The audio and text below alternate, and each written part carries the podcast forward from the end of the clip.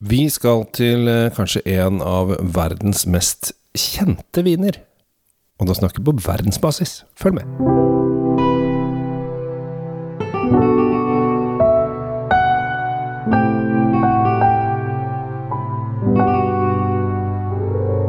Velkommen til eh, nok en fantastisk episode. Det er viktig å skryte oss opp i starten, Tom, så i tilfelle folk går lei mot slutten, så har de i hvert fall fått med seg at den er fantastisk, så slipper de å lure på det. Helt riktig. Vi, vi går hardt ut, og så øker vi på. Ja.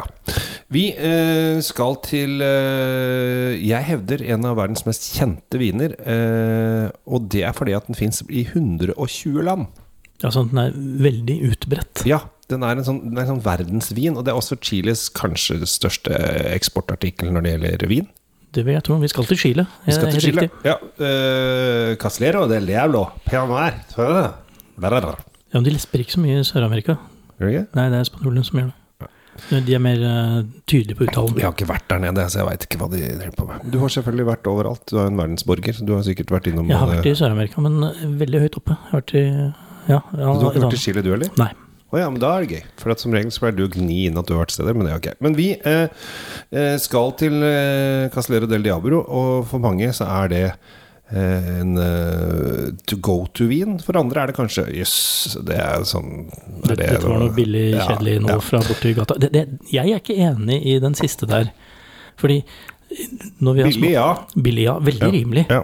Veldig rimelig. 116 kroner, det er billig. Ja, eh, for en vin som uh, sist jeg smakte den, for ikke så lenge siden, uh, overrasket meg over Ja. uh, hvor, si, hvor, hvor bra den leverte. Ja. Og da jeg hørte prisen, så tenkte jeg dette, dette er jo egentlig et godt kjøp. Ja. Det som er litt morsomt, er jo at denne her er jo da en, altså Det som er så gøy med Castellero del Diablo, er at den er så anvendbar hvis du f.eks. har lyst til å finne litt ut om druer. Fordi at den har De lager da pinot noir, de lager Melod de lager carmenere, de lager masse endrueviner. Ja, og, da, og de er ganske flinke til å få frem egenskapene i disse druene. Ja. Så hvis du Uh, har uh, lyst til å invitere venner og kjente litt på sånn lavterskel vinsmaking, så er det veldig kult å bruke Castillere del Diablo, fordi at den har da kan du, Å ja, dette er pinot noir. Å ja, dette er melot. Å ja, dette er cabernet. Å ja, dette Altså, da får du i hvert fall et inntrykk.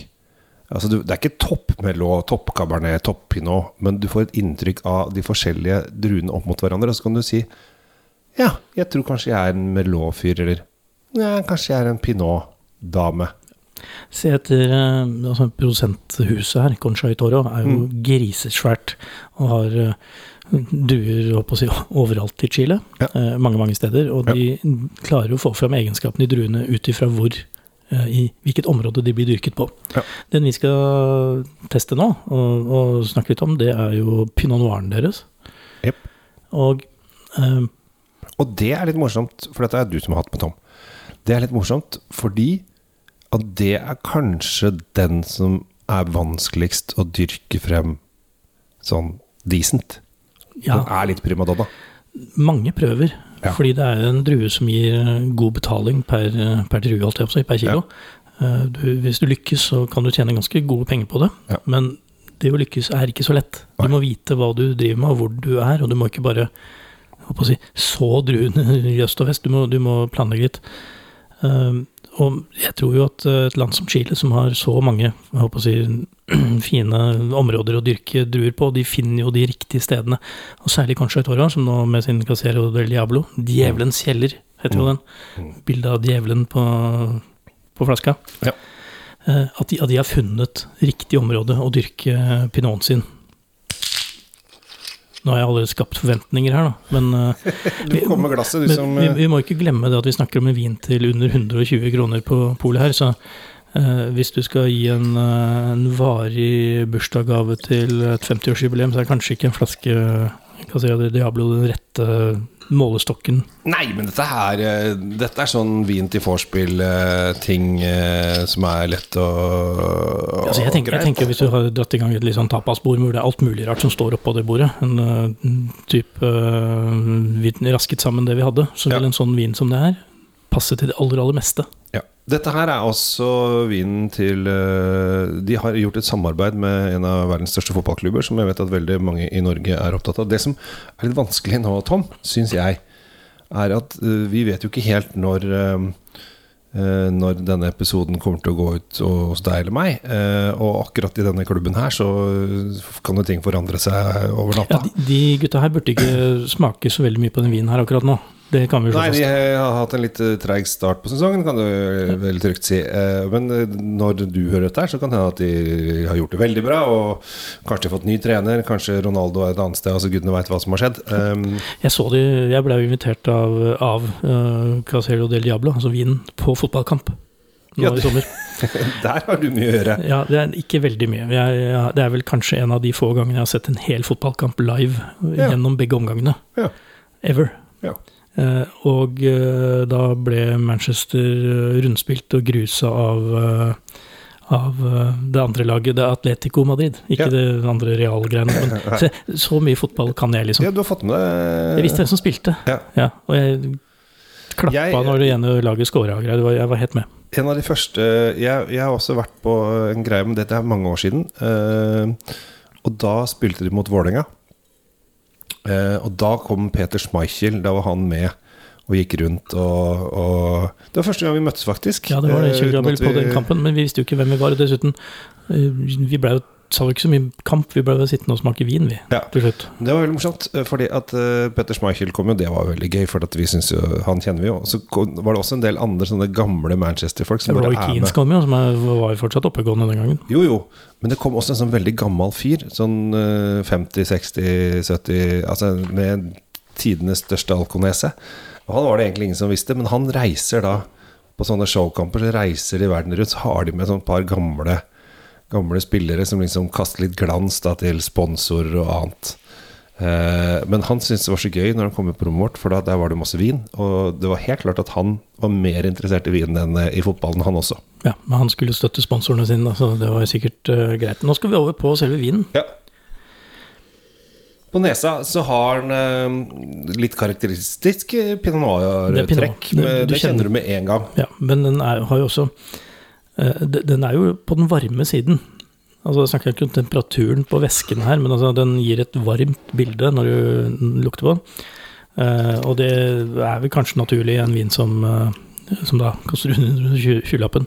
Ja. Jeg tenker eh, Duftmessig så, så er den ganske rett fram. Det er ikke noe veldig komplekse ting som tyter fram her, men den er behagelig. Ja. Det, det er massevis av røde bær, og du kjenner fatene, og du, du, du føler deg på ganske trygg grunn. Ja. Jeg er ikke så, når jeg lukter på den, er jeg ikke så redd for hvordan dette her skal smake, egentlig. Nei, det er, den har Den har eh, en ren, men kanskje litt enkel pinot-smak. Det er liksom ikke noe spekter her, men den, den du smaker, den smaker pinot noir. Ja, smaker Frukten er der. Ja. Det er tanniner. Ja. eh, nok tanniner til at eh, du ikke får sånn der eh, sukkerlag i munnen. Den vasker liksom ut det den skal. Ja. Den har jo sånn syrebakgrunn som også er veldig behagelig. Ja. Og, ja, og frukten varer lenge. Den varer lenge nok. Mm. Nå tenker jeg er, den vinen her er god nok. Det trenger ikke å være mer fancy enn det på en Ja, på, som jeg sa, på et, en buffé eller koldtbord eller whatever. Buffett. Uh, ja, som jeg sier, her har du muligheten til å, å finne litt ut av vindruer uh, hvis du er litt i startfasen av din uh, vinverden. Kjøp denne og et par andre av rødvinene til uh, Caseliro del Diablo. Og så ser du hvordan det går, for da tror jeg du faktisk vil nå, bare, nå er jeg på internett samtidig. om du har Cabernet Sauvignon, du har Carmenere Du har flere forskjellige Merlot, selvfølgelig. Pinot. Du har flere forskjellige rødviner som du kan bli bedre kjent med. Ja, og så kan du sende en varm tanke da, bort til Chile, som, eh, som gir deg muligheten til å teste disse endruevinene. Ja. For, en- for en kristen pris.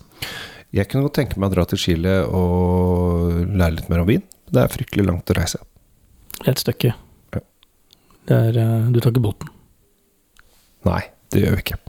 Med det eh, heia Manchester United for de som liker det. Jeg heier jo da selvfølgelig på et mye bedre fotballag. Eh, Leighton Orient holder til i engelsk fjerdedivisjon. Jeg anbefaler folk å eh, Hvis du er litt lei av ditt eget fotballag, kom over til oss. Her er det alltid trivelig. Ja, jeg skal ikke mase på om noe fotball, men jeg har alltid trodd at Leighton Orient spilte basket. Ja. Der kan du se.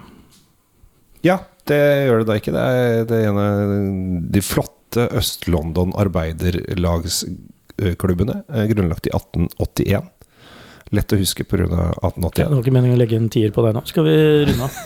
Jeg vil ikke høre om Leighton Nei, jeg vil er verdens beste fotballklubb. om Leighton Orient. Bli medlem i Leighton Orient. Jeg heter Kjell Gabriel Ennings. Tusen takk for meg.